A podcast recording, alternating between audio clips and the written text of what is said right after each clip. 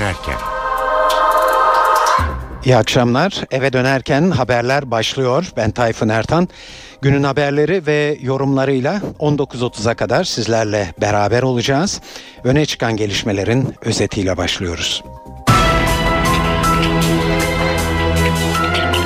Paris'te öldürülen 3 PKK'lı kadının cenazelerinin çarşamba günü Türkiye'ye getirilmesi bekleniyor. Cinayeti kimin işlediği henüz aydınlatılabilmiş değil. PKK'nın önde gelen isimlerinden Zübeyir Aydar, bu infaz Türk hükümetine hizmet etmez, barış sürecini baltalamak isteyen ve uluslararası karanlık güçler var diye konuştu. MHP lideri Devlet Bahçeli bugün Silivri'de Ergenekon davasından tutuklu eski Genelkurmay Başkanı İlker Başbuğ'u ziyaret etti.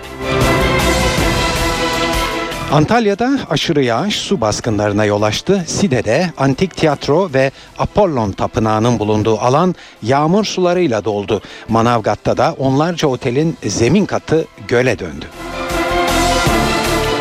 Ve İstanbul'da minibüs ücretlerine yüzde beş zam geldi. Yeni düzenleme ile indi bindi ücreti 1 lira 50 kuruş oldu.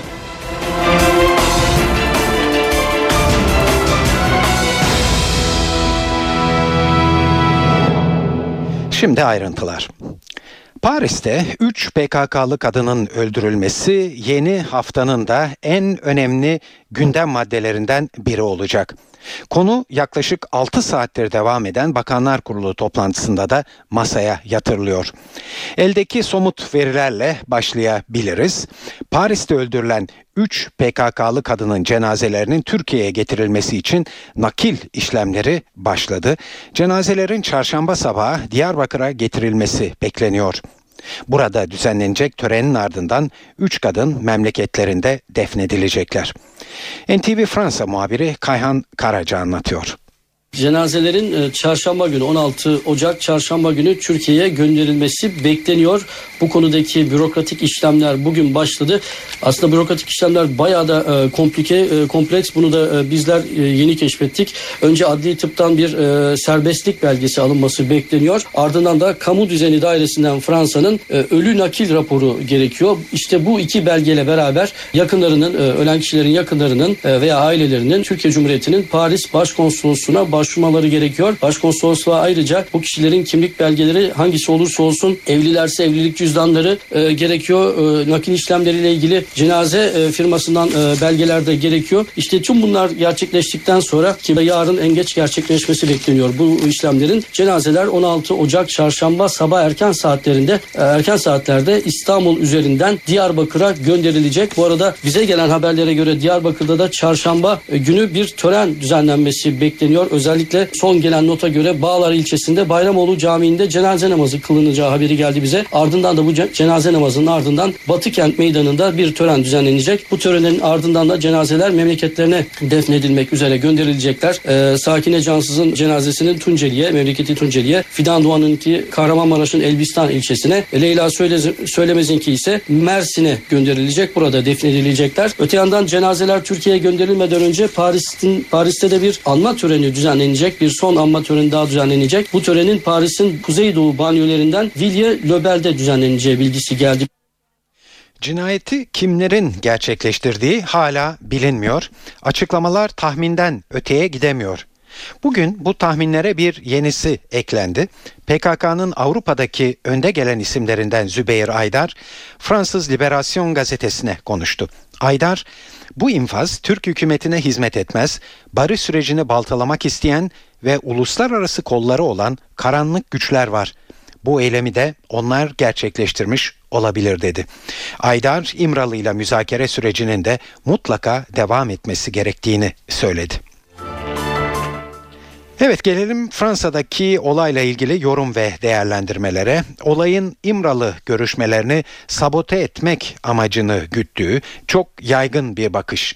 Ancak bunun provokasyon olmadığını düşünenler de var. Böyle düşünenler görüşmelerin daha çok yeni başladığını ve henüz herhangi bir ilerleme kaydedilmediğini, dolayısıyla cinayetin nedenlerinin başka yerde aranması gerektiğini belirtiyorlar. Örneğin Bilgesam'dan Atilla Sandıklı. Bu cinayetlerin olabilmesi için bu görüşmeler belirli bir aşamaya gelmesi lazım. Daha henüz daha sadece Abdullah Öcalan'la bir mutabakat var. Olayın diğer aktörleri var Abdullah Öcalan'ın dışında. En büyük aktörlerinden bir tanesi de gücü elinde bulunan Karayılan'ın. Ki Oslo sürecine de e, bir noktada akamete uğrayan e, Kandil'deki Karayılan'ın e, yaklaşımları söz konusu oldu. Dolayısıyla daha bunlar ortaya çıkmadan daha ilk başlangıçta bunu belirleyeceksiniz. Diyeceksiniz ki bunu provoke etmek için bir eylem yapalım ve üç tane bayanı seçeceksiniz. Ondan sonra istihbarat elde edeceksiniz. Bu eylemi yapacaksınız. Bunun belirli bir süre geçmesi gerekiyor. Dolayısıyla ben bunu sürece olumsuz yönde etki edebilecek bir unsur olarak değerlendirmeme rağmen doğrudan doğruya süreci baltalamak için yapılmış cinayetler silsilesi olarak değerlendirmiyorum.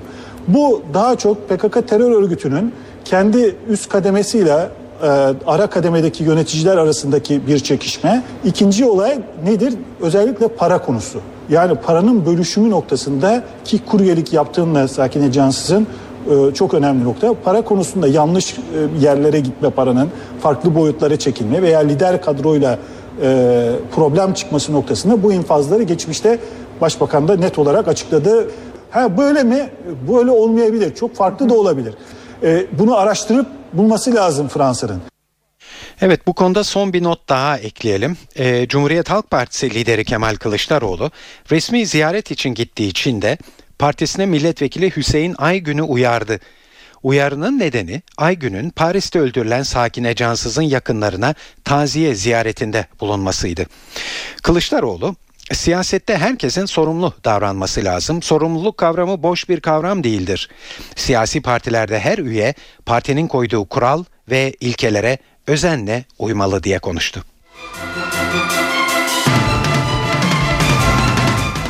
Başbakan Erdoğan'ın siyasi danışmanı Yalçın Akdoğan, Paris'teki cinayeti ve İmralı sürecini değerlendirdi. Radikal gazetesine konuşan Akdoğan, terör sorununun çözümü konusunda toplumsal ve siyasi desteği arkalarına aldıklarını dile getirdi. Oslo sürecinin ardından PKK'nın giriştiği eylemlerin boşa çıkarıldığını söyleyen Akdoğan, sivil asker ilişkisinin normalleşmesinin de yeni sürece önemli bir katkı sağladığını ifade etti. Yalçın Akdoğan ayrıca Abdullah Öcalan'ın eylem yapılmasının kendisini devre dışı bıraktığını geç de olsa anlamış olduğunu söyledi. Yalçın Akdoğan Paris'te 3 kişinin öldürülmesine ilişkin de çözüm için umutların yeşerdiği bir ortamda birileri bunu sabote etmek istemiş olabilir. Ancak toplumdaki irade güçlü olduğu için bu olay çözüm iradesini daha da arttırdı diyor. Paris'teki eylem Fransa'nın itibarını lekeledi diyen Akdoğan, kentin göbeğinde böyle bir saldırının gerçekleşmiş olması istihbarat açısından büyük bir başarısızlık ifadesini de kullandı. Benzer görüşte olan bir başka uzman ve yazarın görüşünü de yansıtacağız sizlere. Bunlardan biri Bilgesam'dan Atilla Sandıklı. Toplumdaki dikkat ederseniz herkes sürece sahip çıktı.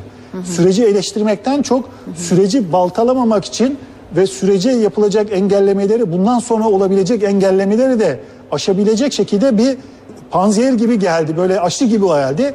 Umarım bundan sonraki yapılacak bu tip girişimlere de aynı e, yaklaşım sergiler toplum ve süreci kesintiye uğramadan devam ettiririz diye düşünüyorum. Her olayı da provokatif bir şekilde bunu baltalamaya yönelik bir girişim olarak da görmemek lazım. Biraz sağlam durmak lazım.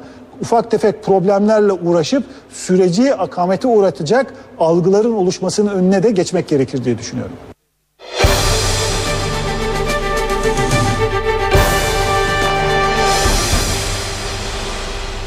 Milliyetçi Hareket Partisi Genel Başkanı Devlet Bahçeli bugün Silivri'de Ergenekon davasından tutuklu eski Genelkurmay Başkanı İlker Başbuğ'u ziyaret etti.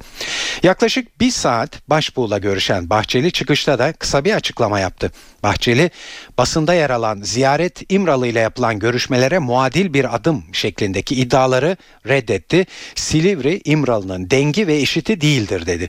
MHP liderinin gündeminde İmralı ile yürütülen görüşme süreci de vardı.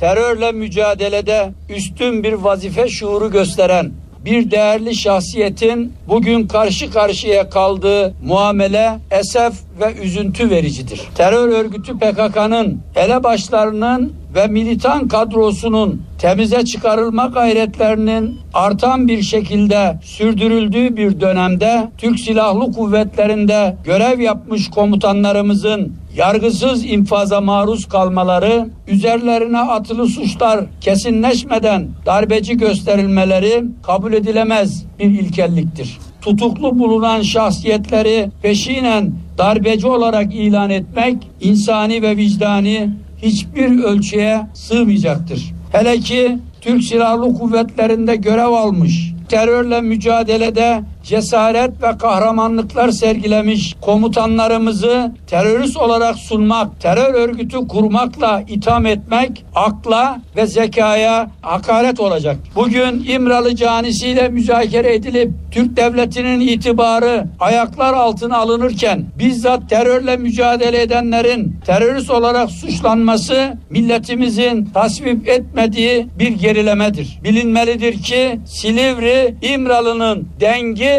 ve eşiti değildir. Bizim ziyaretimizi yanlışa yorumlayıp İmralı canisiyle Sayın Başbuğ terazinin iki kef- kefesine koyduğumuz hezeyanına kapılanlar önce kendi davranış, fikir ve sicillerine bakmalıdır. İmralı canisiyle pazarlık yapanlar, İmralı'ya yüz sürenler taraflarını artık kuşkuya yer bırakmayacak derecede açık etmişlerdir. Buna karşılık bizim tarafımızda da terörle mücadele edenler olduğu için bugün burada olduk. Bizim de buna karşılık mücadele edenlerle buluşmamız ve haklarını teslim etmemiz normaldir ve kimseyi de rahatsız etmemelidir. Bunu ise sırf nispet olsun, İmralı'ya muadil bir adım olsun diye yaptığımızı söyleyenler iftirayı ve dedikoduyu kendilerine meslek edinenlerden başkası değildir. Evet Bahçeli Öcalan'la görüşmeler yapıldığı haberi duyulduğunda e, partisinin grup toplantısında Başbuğ'la görüşeceğini ilan etmişti.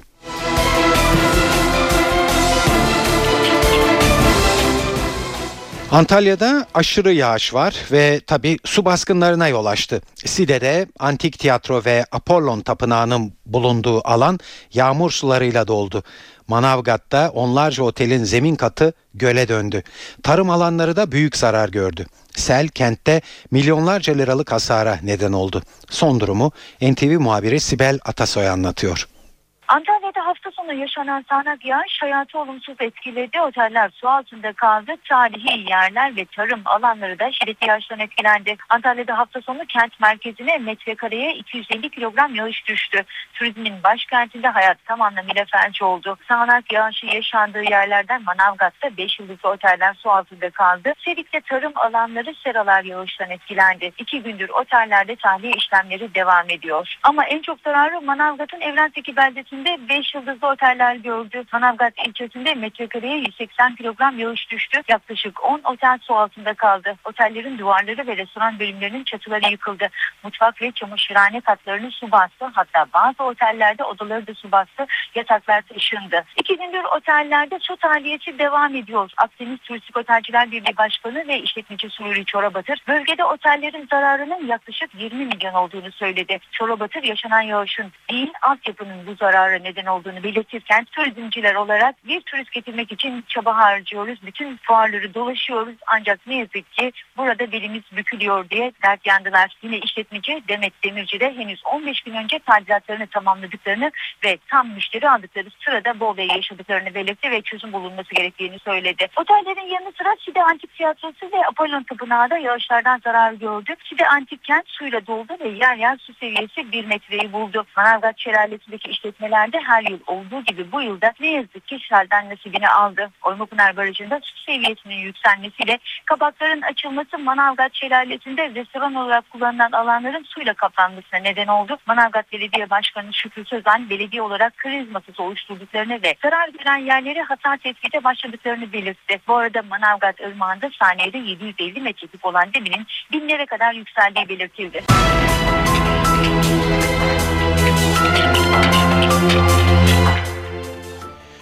Evet şimdi sizi Ankara'ya götüreceğiz. Çünkü Bakanlar Kurulu'nun 6 saat süren e, toplantısı sona erdi. Ve bu toplantıda büyük ölçüde e, Paris'teki saldırı meselesi ele alındı.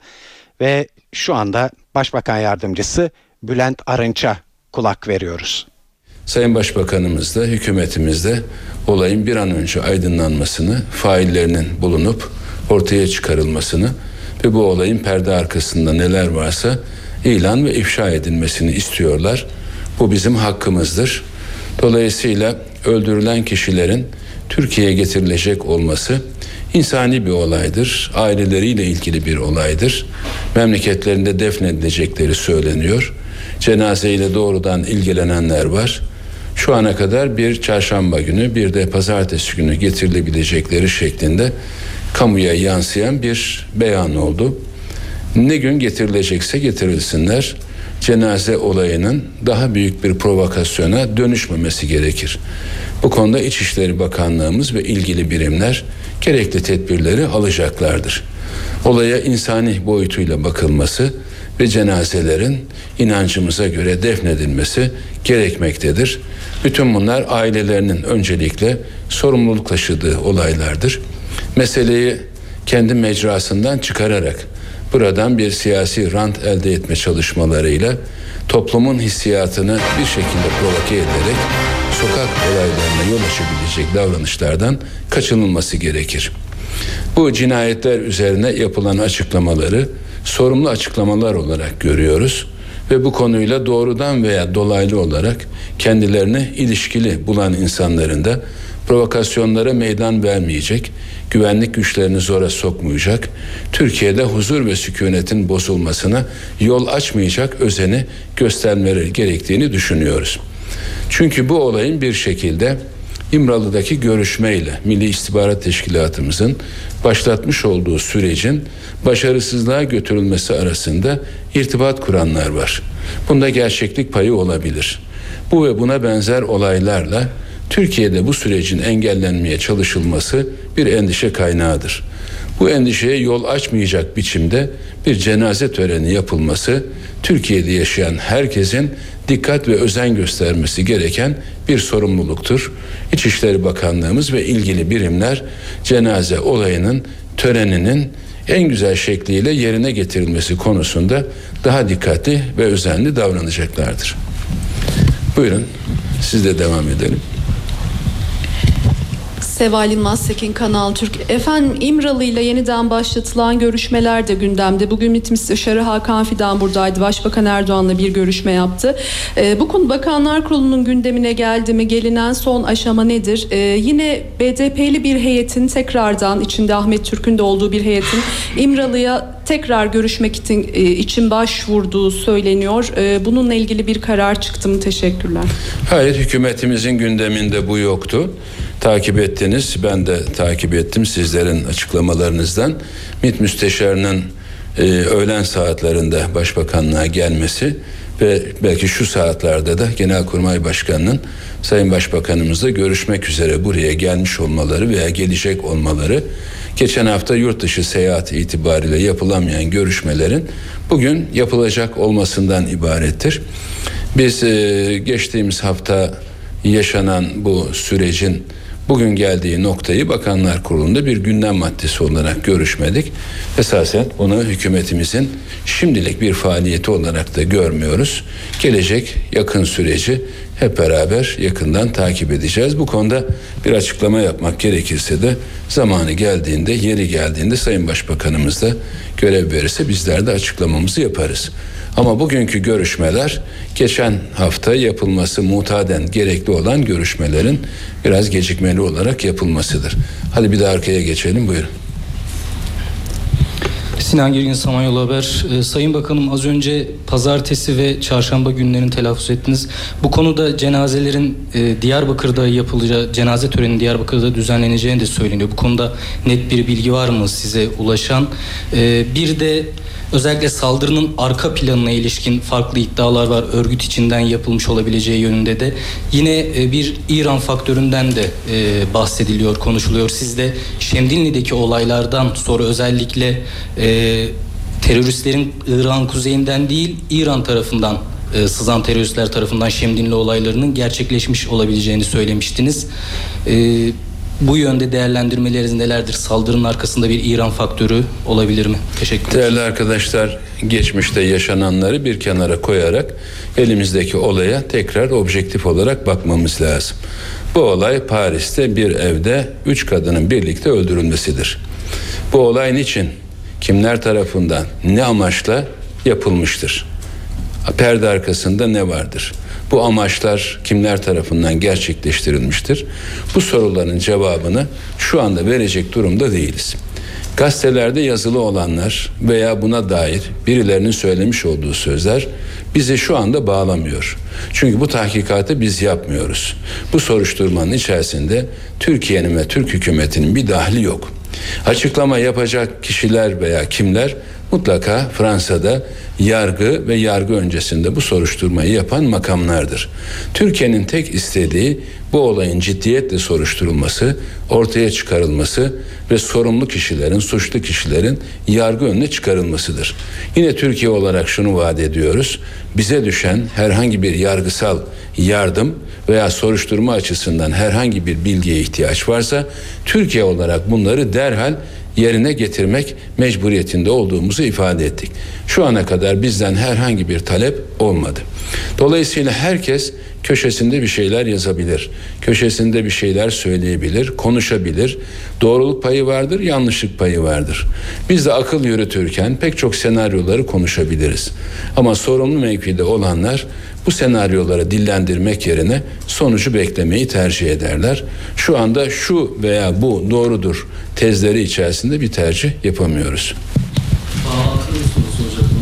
İsabet oldu. Ben de size soruyorum. Bağlantıyı kurun bakalım. Gerçi cevabını vermiş oldunuz. Peki teşekkür ederim. O zaman başka bir arkadaşımız.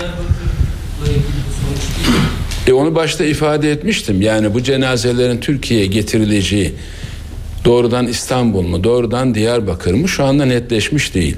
Farklı açıklamalar var. Bu açıklamalar BDP tarafından yapılan açıklamalar değil, ismini bir şekilde ortaya koymak isteyen bir takım grupların açıklamaları. Biz şüphesiz bizi ilgilendiren yönüyle yani Türk hükümeti olarak veya hükümetin İçişleri Bakanlığı veya Dışişleri Bakanlığı olarak neresinde yer alacağımızı elbette aileleriyle görüştükten sonra tespit edebiliriz. Bu açıklamalara bakarsak bir düşünce doğrudan Diyarbakır'a gelecekler. Diyarbakır'dan yapılacak bir töreni mütakiben herkesin kendi memleketinde defnedileceğidir. Bir tanesi bildiğim kadarıyla Tunceli, bir tanesi bildiğim kadarıyla Kahramanmaraş, diğeri şu anda hatırlayamıyorum. Mersin veya Mersin'de bağlantılı başka bir il. Bir başka düşünceye göre pazartesiye kalabilecektir ama yine aynı senaryoyla yani Diyarbakır'a getirilip oradan farklı yerlerde cenaze definlerinin yapılacağıdır. Bu cenazeli törenini bir şova dönüştürmek isteyen, bir propagandaya dönüştürmek isteyen, bir çatışma ortamına sürüklemek isteyen marjinal gruplar olabilir, suç örgütleri olabilir, farklı bir araya gelmiş gruplar olabilir. Bunlara karşı herkesi uyanık olmaya davet ediyoruz. Evet, Başbakan Yardımcısı Bülent Arınç 6 saatten daha fazla süren Bakanlar Kurulu toplantısından sonra Ankara'da canlı olarak bu açıklamaları yapmaktaydı. Eve dönerken haberler günün diğer gelişmeleriyle devam ediyor.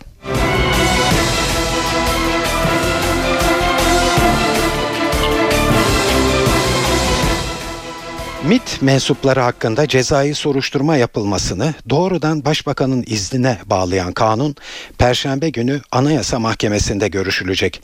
Yüksek Mahkeme kanunun iptal istemini esastan ele alacak. CHP Milli İstihbarat Teşkilatı kanununda yapılan değişikliği Anayasa Mahkemesi'ne taşımıştı. CHP kanunun kişiye özel bir düzenleme olduğunu iddia etmiş, anayasanın hukuk devleti ve eşitlik ilkesine aykırı olduğunu öne sürmüştü.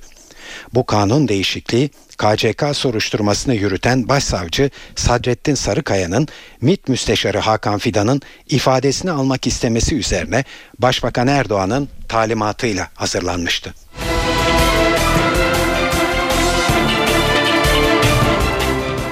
Kamu personeli seçme sınavına öğretmenler için artık bir de alan sınavı soruları eklenecek. Alınacak puanı büyük ölçüde alan sınavındaki başarı belirleyecek. ÖSYM Başkanı Ali Demir, Temmuz ayındaki sınav öncesi adayların fikir sahibi olabilmesi için önümüzdeki günlerde her alan için örnek sorular yayınlanacağını duyurdu. Milli Eğitim Bakanlığı'nın talebi doğrultusunda 15 e, alanda öğretmen alan sınavını yapacağız. Bunu KPSS'den sonraki hafta 14 Temmuz e, 2013 tarihine e, planladık. Çok kısa bir süre içerisinde biz bu testin alt alanlarını ve her bir alandaki soru sayılarını ve örnek sorularını yayınlayacağız. O sorular doğrultusunda da çalışmaları yürütmelerini tavsiye ediyorum. Bu konuda bize yol gösterecek bilim heyetlerini organize ettik. Testteki özellikler ne olmalı? E, ne kadar bu testte e, alandan soru sorulmalı, hangi tür bir müfredat sorulmalıdır gibi konularda bize bir rapor hazırladı. Onların raporları doğrultusunda test hazırlığımız başladı. Örnek sorular yayınlanacak ancak alan sınavının ne anlama geldiğini bir cümleyle açarsak burada öğretmen adaylarından genel kültür ve eğitim bilimleri konularının yanı sıra mezun oldukları branşla ilgili soruları yanıtlaması isteyecek.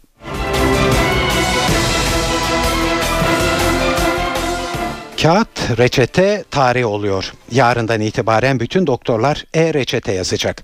Kağıt reçete istisnai durumlar dışında eczanelerde kabul edilmeyecek. 110 bin doktordan 107 bini e-reçete şifresi aldı. SGK e-reçete sistemiyle reçete sahteciliğinin önüne geçmeyi hedefliyor. İstanbul-İzmir arasını 4 saate düşürecek olan Körfez Asma Köprüsü'nün ayaklarının dikilmesi için hafta sonu kazılar başladı. Ulaştırma Bakanı Binali Yıldırım, köprünün inşası yolunda atılan bu ilk adımı yerinde inceledi.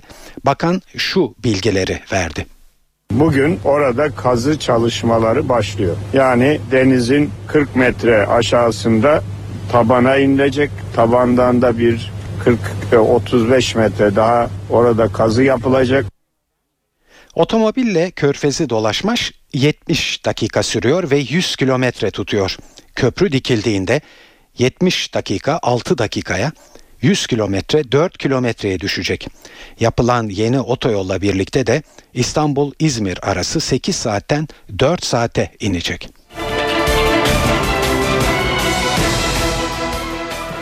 Çılgın proje olarak nitelendirilen Kanal İstanbul için ilk adım atılıyor. En geç Mart ayında ihale yapılacak. Açıklama Başbakan Erdoğan'dan geldi. Kanal İstanbul projesinin de hazırlıkları yapılıyor ve onun da ihalesini inşallah yapacağız. Bütün bunlar bir geniş ufkun, bir birilerinin tahayyül edemediği ufkun gerçekleştirilmesidir. Bunun atılan adımlarıdır. Başbakanın seçim vaatlerinden biri olan bu proje İstanbul'un Avrupa yakasına Karadeniz ve Marmara Denizi'ni birbirine bağlayacak yaklaşık 45-50 kilometre uzunluğunda bir kanal açılmasını içeriyor. Kanalın Marmara girişi Silivri olacak. Su derinliğinin 25 metre, genişliğinin ise 150 metre olması öngörülüyor. Ayrıca inşa edilecek köprülerle kara ve demiryolu ulaşımı da sağlanacak. Bu kanalla İstanbul Boğazı'ndaki trafiğin hafifletilmesi hedefleniyor.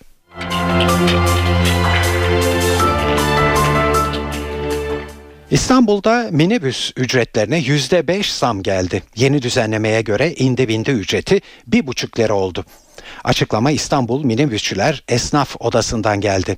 İstanbul genelinde yapılan düzenleme kapsamında Bakırköy Topkapı hattı 2 lira 10 kuruş, Beşiktaş Sarıyer hattı 2 lira 20 kuruş, Sefaköy Yeşilköy hattı 1 lira 80 kuruş ve Kadıköy Ünalan hattı 2 lira oldu.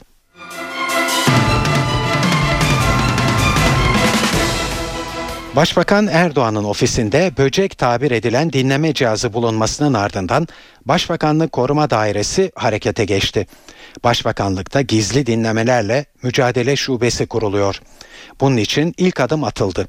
Şubede 7 kişilik emniyet kökenli bir ekip görev alacak. Böcek arama timi olarak da adlandırılan ekip sadece başbakanlıkta değil, Erdoğan'ın gezilerinde de dinleme cihazı arayacak. Ayrıntıları NTV muhabiri Ercan Gürses anlatıyor. Başbakanlık Koruma Daire Başkanlığı'nda artık güvenlik sistemleri şube müdürlüğü de görev yapacak. Başbakan Recep Tayyip Erdoğan'ın bir süre önce ofisinde dinleme cihazı bulunduğunu açıklamasının ardından harekete geçildi. Başbakanlığın korunmasında yeni bir birim oluşturuluyor. Daha önce küçük bir büro biçiminde faaliyet gösteren ve Başbakan Erdoğan'ın yurt içi ve yurt dışında teknolojik güvenliğini sağlayan ekibin şube olarak büyütülmesi için Emniyet Genel Müdürlüğü'ne yazılı başvuru yapıldı. Olumlu yanıt gelmesinin ardından Başbakanlık Koruma Dairesi bünyesinde bir başkomiser ve 6 uzman polis memurundan oluşan özel bir ekibin çalışmasına karar verildi. Böcek arama timi olarak da ekip Başbakan Erdoğan'ın yurt içi ve yurt dışına gittiği her yerde frekans çözücü cihazlar kullanacak. Ekip sadece böcek olarak adlandırılan dinleme cihazı aramasıyla görevlendirilecek. Dinlemeleri önlemek amacıyla Erdoğan'ın Ankara ve İstanbul'daki evinde Başbakanlık konut ve merkez binayla yeni başbakanlık binasında sabit sistemler de kuruldu. Bu sistemlerle frekanslar karıştırılıyor, dinlemelerin önüne geçiliyor. Ercan Gürses, NTV Radyo Ankara.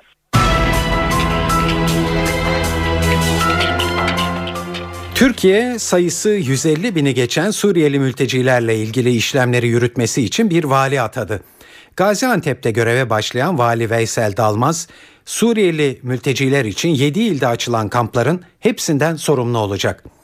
Dalmaz yeni mülteci kampı kurulması, Suriyelinin kamplara yerleştirilmesi, barınma, beslenme ve sağlık gibi acil ihtiyaçlarıyla da ilgilenecek. Suudi El Vatan gazetesi Suriye Devlet Başkanı Beşar Esad ve ailesinin Suriye açıklarındaki Rus savaş gemilerinden birinde kaldığını ileri sürdü. Gazete haberini istihbarat kaynaklarına dayandırdı. El Vatan'a göre Suriye Devlet Başkanı resmi temasları ve görüşmeleri olduğu zaman Şam'a helikopterlerle gidiyor. Şam'dayken de sivil araç içinde ve sıkı bir koruma altında hareket ediyor. Suudi gazetesi kendini daha güvende hissettiği için Esad'ın çoğunlukla Rus savaş gemisinde kalmayı tercih ettiğini iddia ediyor. Suriye liderinin kendine yakın güvenlik birimlerine bile güvenini kaybettiği bir sızıntı olmasından kaygı duyduğu öne sürülüyor. El Vatan'a göre Suriye'deki durumun kötüleşmesi veya muhaliflerin Şam'ın merkezine ulaşmaları halinde Suriye Devlet Başkanı ve ailesi bulundukları Rus savaş gemisiyle ülkeden kolay ve hızlı bir şekilde ayrılabilecek. Gazete bu durumu Rusya'nın gayri resmi de olsa Esad'a siyasi iltica hakkı tanınması olarak yorumluyor.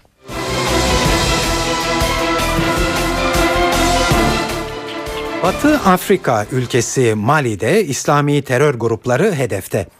Mali ordusu Fransa'nın desteğiyle terör gruplarını elinde bulunan stratejik önemdeki Kona kentini ele geçirdi. Kona'nın ele geçirilmesiyle İslami gruplara büyük darbe vurulmuş oldu.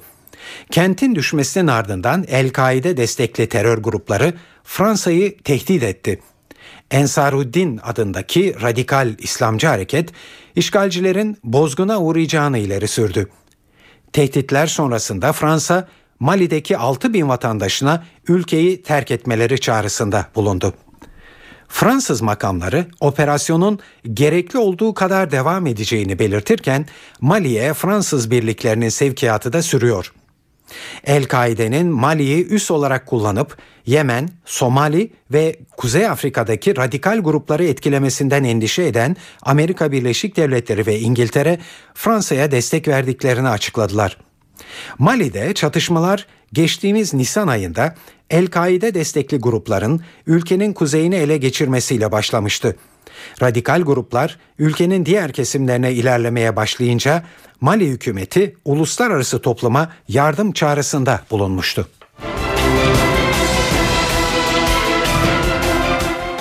Yunanistan'ın başkenti Atina'da iktidardaki Yeni Demokrasi Partisi'nin merkez binasına silahlı saldırı düzenlendi. Ölen ya da yaralanan olmadan bu, bu saldırıda mermi kovanlarından biri de Başbakan Antonis Samaras'ın odasında bulundu. Ayrıntıları NTV Atina muhabiri Stelio Berberakis anlatıyor. Evet bu sabahın erken saatlerinde saat 4 civarı civarında meşhur kişilerin Yeni Demokrasi Partisi ki hükümet, e, koalisyon hükümetinin en önemli ortaklarından biri Yeni Demokrasi Partisi. Partinin e, merkez binasına Kalaşnikovlu bir saldırı düzenlenmesi e, kamuoyunda ve siyasi parti çevrelerinde de şok etkisi yarattı diyebiliriz. Çünkü bu Yunanistan'ın yakın tarihinde ilk defa bir parti binasına e, üstelik Kalaşnikovlu bir e, saldırı düzenleniyor. Şüpheler ilk önce ana muhalefet radikal sol Siriza Partisi'ne yakın olan iktidar karşıtlarına çevrilmişti. Ancak bu e, şüpheler kısa zamanda dağılıverdi. Çünkü iktidar karşıtları hiçbir zaman Kalaşnikov kullanmıyorlardı. Dolayısıyla bunun ya bir hesaplaşma ya da bir terör örgütünün yani meşhur bir terör örgütü tarafından düzenlenmiş olabileceği ihtimali üzerinde duruluyor. Sıkılan kurşunlardan biri büyük bir ihtimalle tesadüfen en azından polisin açıklaması böyle. E, Yeni Demokrasi Partisi Genel Başkanı ve aynı zamanda Başbakan olan e, Andonis Samaras'ın kullandığı bürosunun tabanına isabet ettiği de yapılan açıklamaların arasında. Tabii bu kurşunla e, olay yerinde bulunan e, 9 e, mermi kovanı e, balistik incelemelere alındı. Bu balistik incelemelerin sonucunda acaba bu Kalashnikov e, marka silahın başka e, saldırılarda kullanılıp kullanılmadığı anlaşılacak. İki kişinin olduğu belirtiliyor. Bu nedenle etraftaki kameralar da e, inceleniyor polis tarafından. Bizim askeri olduklarına dair bazı görgü tanıkları var ve kullanmış oldukları otonun 4 kilometrelik bir uzakta e, yakılarak e, izlerini e, kaybettirmek amacıyla belki de bu e, çalıntı otunun saldırganlar tarafından yapıldığı da anlaşıldı. E, en aşırı sağdan en aşırı sola kadar eğilimli daha doğrusu siyasi partiler tarafından e, ve liderleri tarafından kınandı. E, dolayısıyla bu araştırmaların sonucunu sonucu nasıl bir e, örgüt karşı nasıl bir örgütü karşımıza çıkaracağını önümüzdeki günler gösterecek. Hindistan'da ard arda yaşanan tecavüz olaylarının benzeri İsveç'te meydana geldi. Başkent Stockholm'de metro istasyonundan çıkıp evine gitmekte olan 22 yaşındaki genç bir kadın tenha bir yerde 5 kişinin tecavüzüne uğradı. Zanlıların yakalanması için bölgedeki kamera görüntüleri incelemeye alındı. Ayrıca halktan da eşgalleri verilen saldırganların yakalanması için yardım istendi. Polis tarafından hastaneye kaldırılan kadının durumunun kötü olduğu ve psikolojik yardım aldığı açıklandı. Hindistan'da hafta sonunda bir yolcu otobüsünde 7 erkek 29 yaşında bir kadına tecavüz etmişti.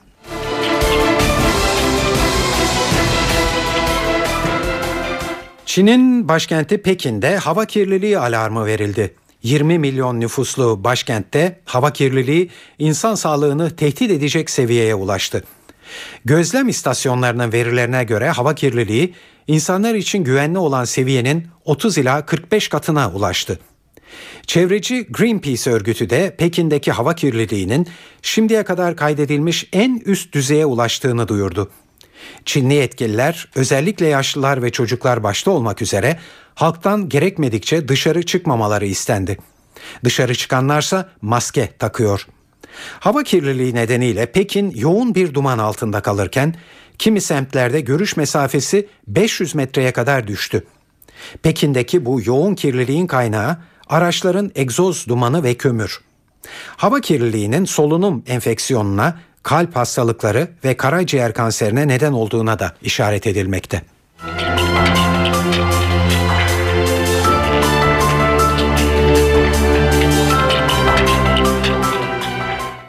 Fransa'daki vergileri arttıran yeni kanuna tepki olarak Rus vatandaşlığına geçen ünlü aktör Gerard Depardieu, Rus siyasetiyle yakından ilgilenmeye başladı. Depardieu iktidarı övdü, muhalefeti eleştirdi. Kilisede Putin karşıtı şarkı söyledikleri için hapse atılan punk müzik grubu için de bunu camide yapsalardı hayatta kalamazlardı diye konuştu. Rusya muhalefetinin hiçbir programı yok. Hiçbir şey ortaya koymuyorlar. İçlerinde eski dünya satranç şampiyonu Kasparov gibi akıllı adamlar da var. Ama satrançta işe yarayan hamleler politikada işe yaramaz. Fransızlar eleştirmeye bayılıyorlar. Pussy Riot örneğini ele alalım. Bu kızların camide şarkı söylediklerini düşünün. Oradan canlı çıkamazlardı. Katolik dünyasında bile korkunç olaylar olabilirdi. Ben bunu Fransa'da söyleyince insanlar aptal olduğumu düşünüyorlar. Saat 18.49 NTV Radyo'da eve dönerken haberler bugün para ve sermaye piyasalarındaki gelişmelerle devam ediyor. Ayrıntıları CNBC'den Benel Hızarcı'dan alıyoruz. İstanbul Menkul Kıymetler Borsası yeni haftanın ilk gününü de yine rekorla tamamladı. Günün sonunda %1,18'lik yükseliş var. Endeks 81.990 puandan günü tamamladı. Gün içerisinde 82 bin seviyesinin üzerini de görmüş oldu. E, faiz oranlarındaki gerileme %6'nın altına sabah gördüğümüz hareket tabi her zaman olduğu gibi bir miktar destek verdi ama bugün asıl etkinin yurt dışından geldiğini söylemeliyiz. Sabah güne başlarken yurt dışı tablo oldukça pozitifti. Euro dolarda bir yükseliş vardı. Euro dolar e, Şubat 2012'den bu yana gördüğü en yüksek seviyeleri test etti. 1.34'ün üzerini gördü. Geçtiğimiz hafta Avrupa Merkez Bankası Başkanı Draghi'nin konuşmasında büyümeden söz etmesiyle birlikte Euro'da başlayan yükselişin bugün de devam ettiğini izledik. Tabii Euro'daki yükseliş e, risk iştahının artışını beraberinde getirdi ve bu da borsalara olumlu yansıdı. Ayrıca sabah Çin Sermaye Piyasaları Düzenleyici Kurumu'ndan gelen ve yabancıların Çin hisselerinde yapabilecekleri yatırım limitlerinin 10 kata kadar artırılabileceğinin açıklanması şeklindeki söylemde yine Asya borsalarına özellikle Çin borsasına %3-4 arasında e, prim sağladı. Japonya borsası kapalıydı ama diğer Asya borsalarında da önemli yükselişler kaydedildi. Bu da güne pozitif başlanmasına ve gününde yine artıyla kapanmasına neden oldu. Gün içerisinde gelen Euro bölgesi sanayi üretimi verisi, Fransa ve Amerika'daki hazine ihaleleri gibi gelişmelerde piyasaları destekleyici şekildeydi. E, bugün e, borsa kapanışından sonra Amerika'da Merkez Bankası Başkanı, Fed'in Başkanı Bernanke'nin konuşması yakından takip edilecek. Gösterge bileşik faiz günü %6 seviyesinden tamamladı. Yine Euro'nun yurt dışında dolara karşı yükselmesi içeride dolar kurunu da aşağıya çekti. Günün sonunda dolar TL'nin kapanışı 1.76.80'den gerçekleşti. Evet sırada hava durumu var şimdi. Ee, bunun içinde her zaman olduğu gibi tabii NTV Meteoroloji Editörü Gökhan Abur'a başvuruyoruz. Batıda lodosun etkili olacağı bir haftaya başladık. Ege ve Akdeniz'den sonra yarın Marmara ve iç kesimlerde de sıcaklıklar yükselecek. Doğu kesimlerde ise soğuk hava etkisini sürdürüyor. Çarşamba günü yurt genelinde sıcaklıklar yükselirken batı bölgeler yeniden yağışlı havanın etkisine girecek. Yarın ülke genelinde yağış beklemiyoruz. İç kesimlerde sis ve pus, doğuda ise don ve buzlanma etkisini sürdürecek. Çarşamba günü yurt genelinde sıcaklıklar yükselirken batı bölgeler kuvvetli lodosla birlikte Ege'de daha kuvvetli olmak üzere yeniden yağışlı havanın etkisine girecek. Yağışlar perşembe günü Marmara'nın tamamı, batı Akdeniz ve Batı Karadeniz'i de etkisi altına alacak. Batıdaki yağışların yer yer kuvvetli olmak üzere Cuma ve Cumartesi gününe devam etmesini bekliyoruz. Evet İstanbul yarın güneşli. Sıcaklık 14 dereceye kadar çıkacak. Gece sıcaklığı da 6 derece civarında olacak. Çarşamba gecesi Lodos'la birlikte yağmur geliyor. Ankara yarın puslu Lodos var sıcaklık 8 derece. Cuma'ya doğru hafif yağış olasılığı oldukça yüksek. İzmir Körfez'de yine bugün olduğu gibi pus etkili olacak. Sıcaklık 15 dereceye çıkacak ve çarşamba günü sert Lodos'la birlikte yağmur geliyor. Paris'te öldürülen 3 PKK'lı kadının cenazelerinin çarşamba günü Türkiye'ye getirilmesi bekleniyor. Cinayeti kimin işlediği henüz aydınlatılabilmiş değil. PKK'nın önde gelen isimlerinden Zübeyir Aydar, bu infaz Türk hükümetine hizmet etmez, barış sürecini baltalamak isteyen ve uluslararası karanlık güçler var diye konuştu. MHP lideri Devlet Bahçeli bugün Silivri'de Ergenekon davasından tutuklu eski Genelkurmay Başkanı İlker Başbuğ'u ziyaret etti. Antalya'da aşırı yağış su baskınlarına yol açtı. Side'de Antik Tiyatro ve Apollon Tapınağı'nın bulunduğu alan yağmur sularıyla doldu. Manavgat'ta onlarca otelin zemin katı göle döndü. Ve İstanbul'da minibüs ücretlerine %5 zam geldi. Yeni düzenleme ile indi bindi ücreti 1,5 lira oldu.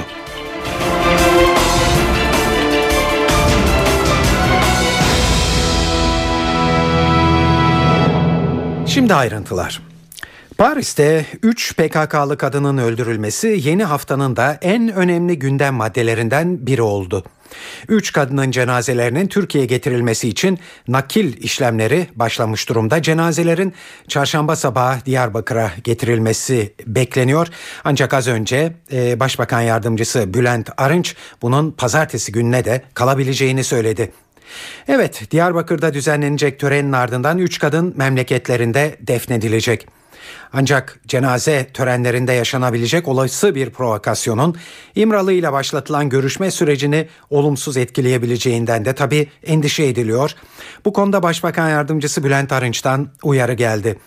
Bakanlar Kurulu toplantısı sonrasında konuşan Arınç, töreni şova dönüştürmek isteyenlere prim verilmemeli, huzur ve sükunet bozulmamalı, İmralı ile başlatılan görüşme süreci zora sokulmamalı dedi. Fevkalade iyi planlanmış ve üç kadının doğrudan öldürülmesine yönelik bir cinayet olarak görülüyor. Hükümetimizde olayın bir an önce aydınlanmasını, faillerinin bulunup ortaya çıkarılmasını istiyorlar. Öldürülen kişilerin Türkiye'ye getirilecek olması insani bir olaydır. Aileleriyle ilgili bir olaydır. Cenaze olayının daha büyük bir provokasyona dönüşmemesi gerekir. Bu konuda İçişleri Bakanlığımız ve ilgili birimler gerekli tedbirleri alacaklardır. Olaya insani boyutuyla bakılması ve cenazelerin inancımıza göre defnedilmesi gerekmektedir. Bütün bunlar ailelerinin öncelikle sorumluluk taşıdığı olaylardır. Meseleyi kendi mecrasından çıkararak buradan bir siyasi rant elde etme çalışmalarıyla davranışlardan kaçınılması gerekir. Ve bu konuyla doğrudan veya dolaylı olarak kendilerini ilişkili bulan insanların da provokasyonlara meydan vermeyecek, güvenlik güçlerini zora sokmayacak, Türkiye'de huzur ve sükunetin bozulmasına yol açmayacak özeni göstermeleri gerektiğini düşünüyoruz. Çünkü bu olayın bir şekilde İmralı'daki görüşmeyle Milli İstihbarat Teşkilatımızın başlatmış olduğu sürecin başarısızlığa götürülmesi arasında irtibat kuranlar var. Bunda gerçeklik payı olabilir. Bu ve buna benzer olaylarla Türkiye'de bu sürecin engellenmeye çalışılması bir endişe kaynağıdır. Bu endişeye yol açmayacak biçimde bir cenaze töreni yapılması Türkiye'de yaşayan herkesin dikkat ve özen göstermesi gereken bir sorumluluktur. İçişleri Bakanlığımız ve ilgili birimler cenaze olayının töreninin en güzel şekliyle yerine getirilmesi konusunda daha dikkatli ve özenli davranacaklardır. Cinayeti kimlerin gerçekleştirdiği hala bilinmiyor. Açıklamalar tahminden öteye gidemiyor. Bugün bu tahminlere bir yenisi eklendi. PKK'nın Avrupa'daki önde gelen isimlerinden Zübeyir Aydar, Fransız Liberasyon gazetesine konuştu. Aydar, bu infaz Türk hükümetine hizmet etmez. Barış sürecini baltalamak isteyen ve uluslararası kolları olan karanlık güçler var. Bu eylemi de onlar gerçekleştirmiş olabilir dedi. Aydar, İmralı ile müzakere sürecinin de mutlaka devam etmesi gerektiğini söyledi. Başbakan Erdoğan'ın siyasi danışmanı Yalçın Akdoğan Paris'teki cinayeti ve İmralı sürecini değerlendirdi. Radikal gazetesine konuşan Akdoğan, terör sorununun çözümü konusunda toplumsal ve siyasi desteği arkalarına aldıklarını dile getirdi. Oslo sürecinin ardından PKK'nın giriştiği eylemlerin boşa çıkarıldığını söyleyen Akdoğan, sivil asker ilişkisinin normalleşmesinin de yeni sürece önemli katkı sağladığını ifade etti. Yalçın Akdoğan ayrıca Abdullah Öcalan'ın eylem yapılmasının kendisini devre dışı bıraktığını geç de olsa anladığını ifade etti. Yalçın Akdoğan Paris'te 3 kişinin öldürülmesine ilişkin olarak da çözüm için umutların yeşerdiği bir ortamda birileri bunu sabote etmek istemiş olabilir. Ancak toplumdaki irade güçlü olduğu için bu olay çözüm iradesini daha da arttırdı dedi. Paris'teki eylem Fransa'nın itibarını lekeledi diyen Akdoğan, kentin göbeğinde böyle bir saldırının gerçekleşmiş olması istihbarat açısından büyük bir başarısızlıktır diye konuştu.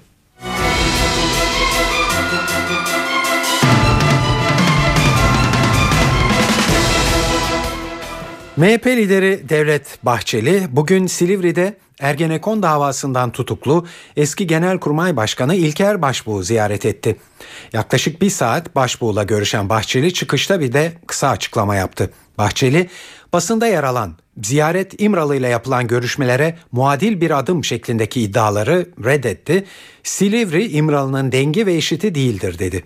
MHP liderinin gündeminde İmralı ile yürütülen görüşme süreci de vardı terörle mücadelede üstün bir vazife şuuru gösteren bir değerli şahsiyetin bugün karşı karşıya kaldığı muamele esef ve üzüntü vericidir. Terör örgütü PKK'nın elebaşlarının ve militan kadrosunun temize çıkarılma gayretlerinin artan bir şekilde sürdürüldüğü bir dönemde Türk Silahlı Kuvvetleri'nde görev yapmış komutanlarımızın yargısız infaza maruz kalmaları, üzerlerine atılı suçlar kesinleşmeden darbeci gösterilmeleri kabul edilemez bir ilkelliktir. Tutuklu bulunan şahsiyetleri peşinen darbeci olarak ilan etmek insani ve vicdani hiçbir ölçüye sığmayacaktır. Hele ki Türk Silahlı Kuvvetleri'nde görev almış, terörle mücadelede cesaret ve kahramanlıklar sergilemiş komutanlarımızı terörist olarak sunmak, terör örgütü kurmakla itham etmek akla ve zekaya hakaret olacak. Bugün İmralı canisiyle müzakere edilip Türk devletinin itibarı ayaklar altına alınırken bizzat terörle mücadele edenlerin terörist olarak suçlanması milletimizin tasvip etmediği bir gerilemedir. Bilinmelidir ki Silivri İmralı'nın dengi ve eşiti değildir. Bizim ziyaretimizi yanlışa yorumlayıp İmralı canisiyle Sayın Başbuğ terazinin iki kef- kefesine koyduğumuz hezeyanına kapılanlar önce kendi davranış, fikir ve sicillerine bakmalıdır. İmralı canisiyle pazarlık yapanlar, İmralı'ya yüz sürenler taraflarını artık kuşkuya yer bırakmayacak derecede açık etmişlerdir. Buna karşılık bizim tarafımızda da terörle mücadele edenler olduğu için bugün burada olduk. Bizim de buna karşılık mücadele edenlerle buluşmamız ve haklarını teslim etmemiz normaldir ve kimseyi de rahatsız etmemelidir. Bunu ise sırf nispet olsun, İmralı'ya muadil bir adım olsun diye yaptığımızı söyleyenler iftirayı ve dedikoduyu kendilerine meslek edinenlerden başkası değildir. Antalya'da aşırı yağış su baskınlarına yol açtı. Side'de Antik Tiyatro ve Apollon Tapınağı'nın bulunduğu alan yağmur sularıyla doldu. Manavgat'ta onlarca otelin zemin katı göle döndü. Tarım alanları da büyük zarar gördü. Sel kentte milyonlarca liralık hasara yol açtı. Son durumu NTV muhabiri Sibel Atasoy anlatıyor. Antalya'da sonu yaşanan sağanak yağış hayatı olumsuz etkiledi. Oteller su altında kaldı. Tarihi yerler ve tarım alanları da şiddetli yağıştan etkilendi. Antalya'da hafta sonu kent merkezine metrekareye 250 kilogram yağış düştü. Turizmin başkentinde hayat tam anlamıyla felç oldu. Sağanak yağışı yaşandığı yerlerden Manavgat'ta 5 yıldızlı oteller su altında kaldı. Sedik'te tarım alanları seralar yağıştan etkilendi. İki gündür otellerde tahliye işlemleri devam ediyor. Ama en çok zararı Manavgat'ın Evren'deki beldesinde 5 yıldızlı oteller gördü. Manavgat ilçesinde metrekareye 180 kilogram yağış düştü. Yaklaşık 10 otel su altında kaldı. Otellerin duvarları ve restoran bölümlerinin çatıları yıkıldı.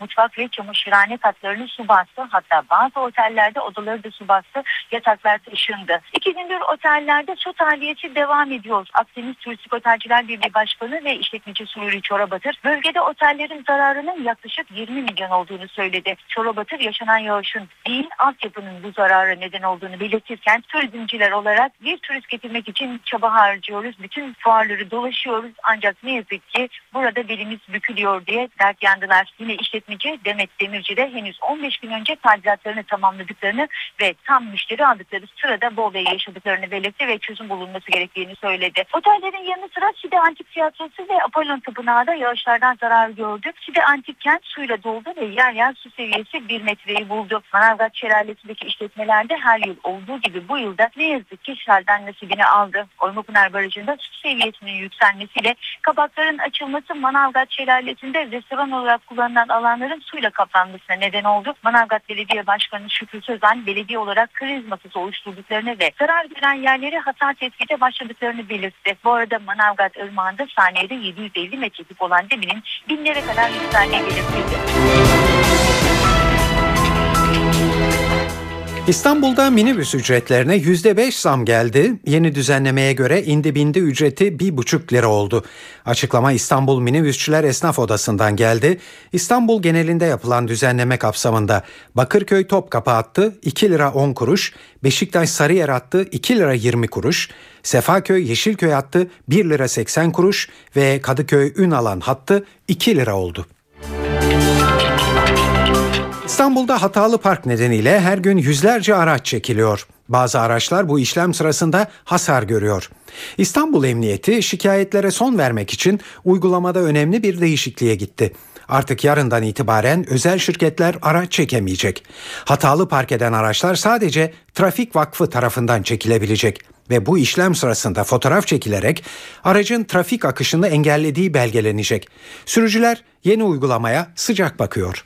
Resmi kanaldan yapılması daha uygun olur. En azından ceza makbuzu geldiği zaman veyahut da herhangi bir şey geldiği zaman o da bilir ne olduğunu. O da ona göre hareket eder. Kesinlikle faydası olur çünkü trafik kendisi kendi, kendisi kontrol edecek. Hatalı park nedeniyle Türkiye'de günde 1500, İstanbul'da 400 araç çekiliyor. Ceza 77 lira tabi buna bir de 60 lira çekici ücreti ekleniyor. Kamu personeli seçme sınavına öğretmenler için artık bir de alan sınavı soruları eklenecek. Alınacak puanı büyük ölçüde alan sınavındaki başarı belirleyecek. ÖSYM Başkanı Ali Demir, Temmuz ayındaki sınav öncesi adayların fikir sahibi olabilmesi için önümüzdeki günlerde her alan için örnek sorular yayınlayacaklarını duyurdu. Milli Eğitim Bakanlığı'nın talebi doğrultusunda 15 e, alanda öğretmen alan sınavını yapacağız. Bunu KPSS'den sonraki hafta 14 Temmuz e, 2013 tarihine e, planladık. Çok kısa bir süre içerisinde biz bu testin alt alanlarını ve her bir alandaki soru sayılarını ve örnek sorularını yayınlayacağız. O sorular doğrultusunda da çalışmaları yürütmelerini tavsiye ediyorum. Bu konuda bize yol gösterecek bilim heyetlerini organize ettik. Testteki özellikler ne olmalı? E, ne kadar bu testte e, alandan soru sorulmalı, hangi tür bir müfredat sorulmalıdır gibi konularda bize bir rapor hazırladı. Onların raporları doğrultusunda test hazırlığımız başladı. Oscar'ın habercisi Altın Küre ödülleri Los Angeles'te sahiplerini buldu. En iyi film kategorisinde Altın Küre 1979 yılında İran'da Amerikan Büyükelçiliği'nin öğrenciler tarafından işgalini konu alan ve bazı bölümleri Türkiye'de çekilen Argo'nun oldu. En iyi yönetmen ödülü de Argo'nun yönetmeni Ben Affleck'te gitti. En iyi kadın oyuncu ödülüne Zero Dark Thirty'deki rolüyle Jessica Chastain, en iyi erkek oyuncu ödülüne ise Lincoln'deki rolüyle Daniel Day-Lewis haklı görüldü. Amerika Birleşik Devletleri eski başkanı Bill Clinton da törende sahneye çıktı. Davetliler tarafından ayakta alkışlanan Clinton, Steven Spielberg'in yönettiği ve Abraham Lincoln'un hayatını konu alan Lincoln filmini tanıttı. Yakında CNBC'de gösterilecek Girls dizisi komedi müzikal dalında en iyi dizi seçildi. Yabancı dilde en iyi film ödülü Avusturya yapımı Amor'un oldu. Gecede ödül alanlar arasında İngiliz şarkıcısı Adele de vardı. Adele, Skyfall filmi için bestelediği şarkıyla en iyi orijinal film müziği ödülünün sahibi oldu. Barcelona'dan ayrıldığı günden beri hangi takıma gideceği merak konusu olan teknik direktör Pep Guardiola'nın İngiliz ekibi Manchester City ile anlaştığı ileri sürüldü. Guardiola'nın bir arkadaşı Pep bu yaz kesinlikle Manchester City'ye gidiyor, %99 demiyorum %100 İngiliz ekibini çalıştıracak dedi. Guardiola'nın arkadaşı transfer ücreti konusunda açıklama yapmadı. Ancak deneyimli teknik adamın İngiltere'nin en çok kazanan teknik direktörü olacağı belirtiliyor. Pep Guardiola'nın adı daha önce Manchester United, Bayern Münih, Chelsea ve Milan'la anılmıştı. Ligde zor günler geçiren Fenerbahçe Türkiye Kupası'nda yoluna kayıpsız devam ediyor. Dün akşam deplasmanda 1461 Trabzonspor'la karşılaşan Sarı Lacivertliler rakibini 2-0 mağlup etti ve grubunda 2'de 2 yaptı. Fenerbahçe'nin gollerini 84. dakikada Semih ve 87. dakikada Kuyt attı. Maç sonunda konuşan teknik direktör Aykut Kocaman, rakip karşısında zorlandık ama buradan 3 puanla ayrılmak çok önemliydi dedi. Kocaman maç içinde tribünden kafasına atılan taşla ilgili olarak da öfke ve şiddet devam ediyor, dönüp aynaya bakmalıyız değerlendirmesini yaptı. Kazanarak başlamak, başlangıç yapmak amacındaydık. Ancak maç öncesinde e, oyuncularıma da söylediğim gibi zorlu bir karşılaşma bekliyordu bizi. Maçın neredeyse ritmini kaybettiğimiz anlarda bir beraberliğin bile e, böyle bir atmosferde doğru ve güzel olacağını düşündüğümüz anlarda arka arkaya hem pozisyonları hem golleri bularak grubun ilerleyen haftalarında belki bir hafta kazanma umudu ortaya çıktı. Ama tabii her şey kazandığınız sürece var. Bu sadece bugünkü galibiyet bu umudu biraz arttırdı. Kendimizi ulus olarak, insan olarak öfkeyle tanımlamaya başladık, şiddetle tanımlamaya başladık. Her yerde bu. Hep söylüyorum. Trabzon özgü değil. Trabzon'da belki bu dönemde biraz daha yoğunlaşmış olabilir ama Trabzon özgü değil. Her yerde öfke, şiddet gırla gidiyor ve kendimizi böyle ifade ediyoruz. Bir aynaya dönüp bakmakta fayda var. Ama sanmıyorum pek de e, aynaya dönüp bakacağımızda.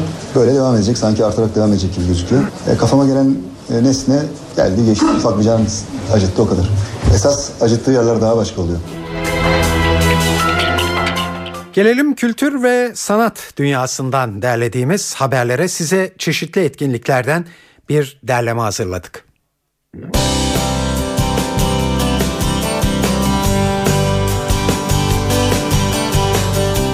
İstanbul Gitar Üçlüsü Caddebostan Kültür Merkezi'nde çıkıyor.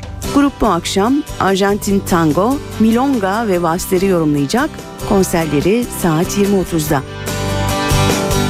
Nardis Jazz Club ise Tridze adlı grubu ağırlıyor. Aralarında Türklerin de olduğu grup Berkeley müzisyenlerinden oluşuyor. İmprovizasyona dayalı orijinal bestelerini seslendirecek olan grubun konseri saat 21.30'da başlayacak.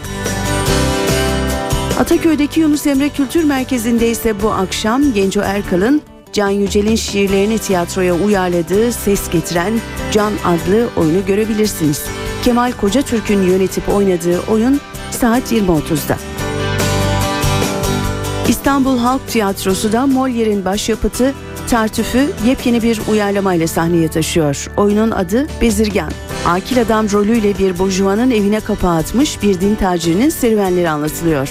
Yıldıray Şahinler'in yönettiği oyunda Cem Davran, Şebnem Bozoklu, Bahtiyar Engin ve Erkan Can rol alıyor.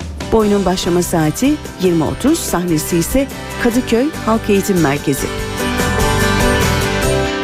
Ankara Devlet Opera ve Balesi de yeni sezondaki en iddialı yapımlarından biri olan Amazonlar Balesi ile bugün opera sahnesinde seyircilerin karşısında olacak. Kadın ve erkek arasındaki tüm çatışmaların sonucunda aşkın galip geldiği Amazonlar Balesi saat 20'de sahnede. Evde olacaklar için bir kez daha hatırlatalım. CNBC-E'de bu akşam saat 22'de 70. Altın Küre Ödül Töreni'nin tekrarı yayınlanacak. Öncesinde ise saat 19'da Rizzoli and Ice, 20'de The Exes, 21'de de CSI New York adlı dizileri izleyebilirsiniz. E2'de ise saat 23'te Game of Thrones adlı dizi, Star TV'de de saat 20'den itibaren O Ses Türkiye adlı yarışma programı ekrana gelecek.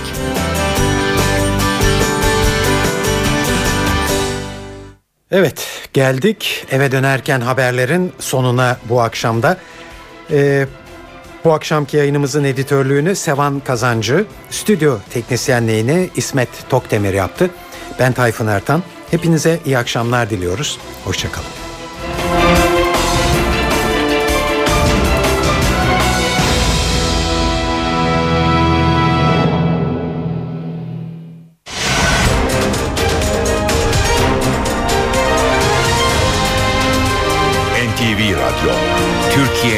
Haber radyosu.